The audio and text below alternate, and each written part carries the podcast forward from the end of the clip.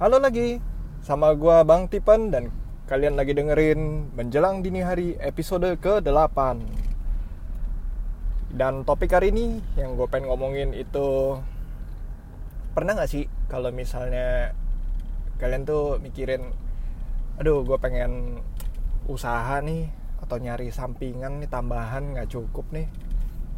Nah terus tapi bingung gitu kayak mau mau mau usaha apa ya? Terus kan kalian browsing nih Tokopedia gitu Tokopedia atau enggak browsing uh, lihat-lihat barang gitu jualan barang yang uh, kira-kira gue pengen usaha yang modalnya kecil tapi untungnya gede. Pernah nggak? Ada yang pernah nggak? Kalau ada yang pernah nggak apa-apa. Banyak orang yang pikirannya sama kayak gitu. Gue juga mikir kayak gitu. Aduh pengen usaha apa ya? Kayaknya pengen jualan nyari tambahan kurang gitu. Nyari yang uh, barangnya murah bisa gue beli tapi modalnya uh, apa modal kecil tapi untungnya gede gitu sayang sekali biasanya um, biasanya nggak ada. Kalau misalnya ada biasa persaingannya juga ketat. Nah ngomong-ngomong persaingan ini yang pengen gue mention hari ini. Gitu. persaingan uh, jadi gini gue pernah ketemu sama orang. Uh, kita ngobrol. Uh, jadi ceritanya gue lagi ke tempat customer ya.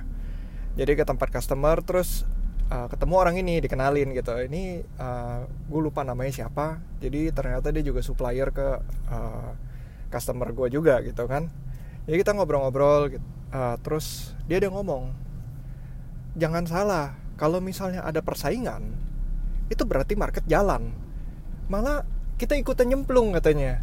Kalau misalnya ada competition berarti itu ada uh, the market itu hidup gitu. Kalau misalnya nggak ada competition orang malas compete di situ berarti itu marketnya nggak hidup.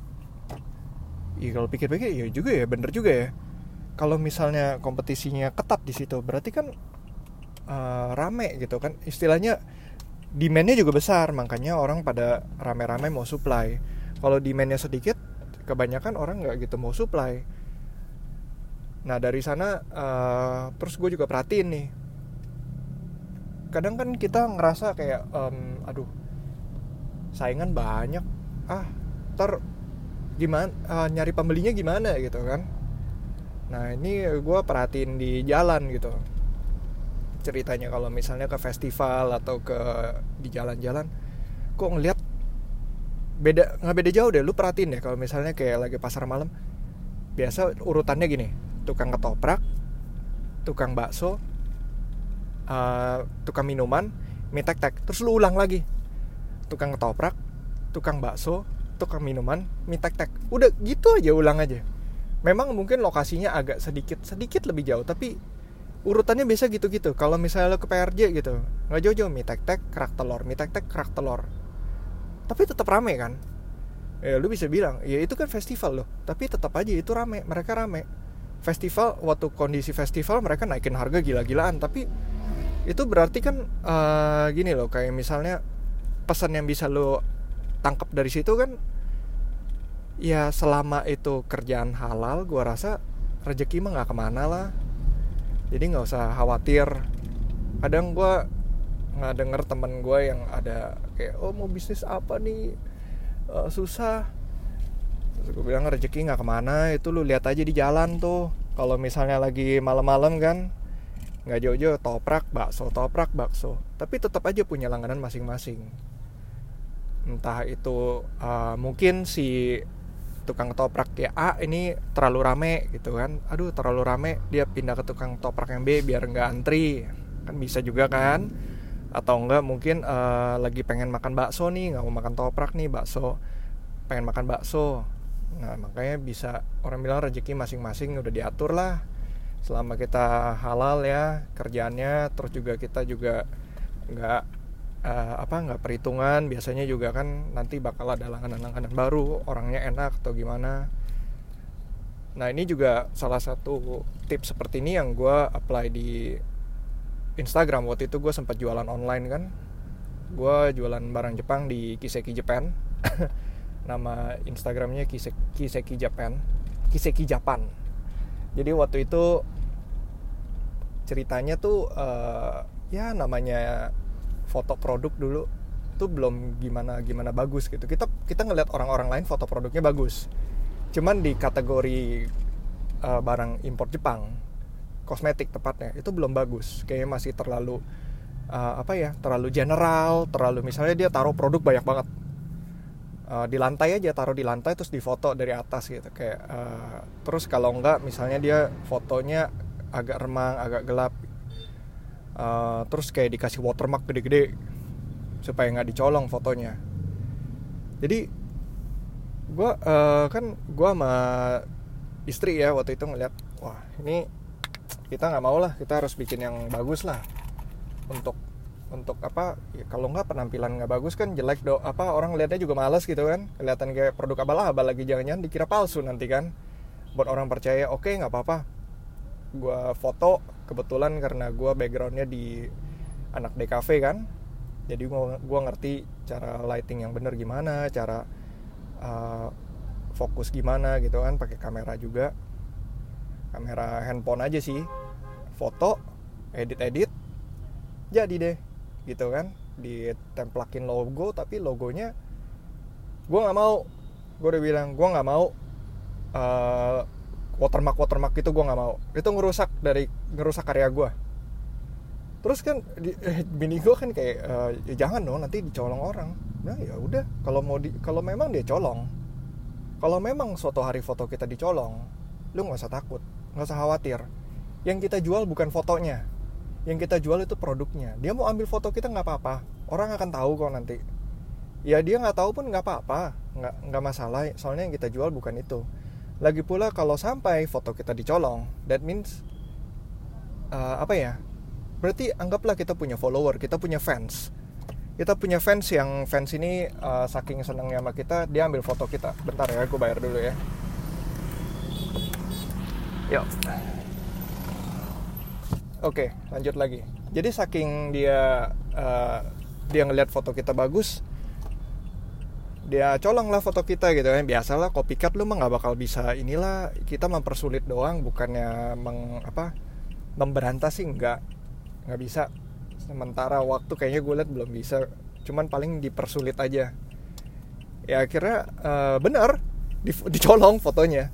Tapi ya buat kita tahu aja kayak oh jadi uh, online shop yang nyolong juga online shop gitu kan oh online shop ini ngambil foto kita gitu ya nggak apa-apa biarin aja gitu kan terus uh, mulai deh muncul-muncul online shop baru dengan uh, model-model kayak modelan kayak kita gitu. Terus um, kan gue sendiri udah bilang sama istri gue gue bilang yang kita jual tuh yang produk uh, toko A toko B toko C punya produk semua sama. Cuman ada uh, satu hal yang kita lain jual. Nah ini namanya USP unique selling propositionnya kita gitu kan. Jadi lu harus punya uh, apa yang lu jual nih gitu. Lu harus bikin kategori baru. Nah di kategori baru itu yang di mana uh, agak hidden. Orang nggak gitu tahu tapi customer akan tahu ketika ketika udah ngomong sama lu. Jadi yang penting itu kan gue udah bilang sama bini gue kita pentingin bukan di kita memang penting untuk uh, new customer acquisition ya. Cuman lebih penting lagi adalah repeat order. Itu yang lo pentingin karena by the time customer itu kita udah acquire gitu kita harapan dia bisa repeat order. Karena orang uh, customer yang udah biasa beli itu ada kemungkinan besar untuk repeat order lagi. Itu emang udah udah ada factnya. So ya yeah, those kind of things uh, akhirnya uh, kebetulan pemerintah Jepang juga bikin perjalanan murah dan akhirnya bermunculan bener-bener saingan di mana-mana gitu bermunculan. Dan ya ya ada aja sampai sampai sekarang juga masih aja sih. Walaupun gue udah nggak pernah posting nggak pernah apa karena sibukan uh, sibukan di ini juga ya sibukan bisnis gue dan istri gue juga sibuk ngurusin anak jadinya kita berdua udah nggak punya waktu buat ngurusin ini kan sambilan ya istilahnya ya sambilan lumayan lah gitu nggak punya waktu buat ngurusin tapi masih ada aja yang kalau kalau yang message ya gue layanin. Sekalian ngabisin stok yang ada kalau nggak ada ya udah nggak apa-apa. Karena memang gue pun belum ada satu official announcement kalau kita mau tutup. Tapi ya nanti lah memang tujuan akhirnya bakal tutup sih karena nggak kepegang. Tapi itu satu pelajaran yang bisa gue share.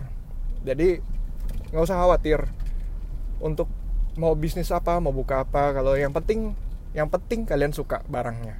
Karena kalau ya, kalian udah suka barangnya kalian kan pasti kan udah punya produk knowledge yang bagus dong. Nah kalau punya produk yang knowledge yang bagus nanti giliran customer nanya-nanya lu bisa jelasin. Yang penting sih itu lu bisa jelasin dan kedua sabar.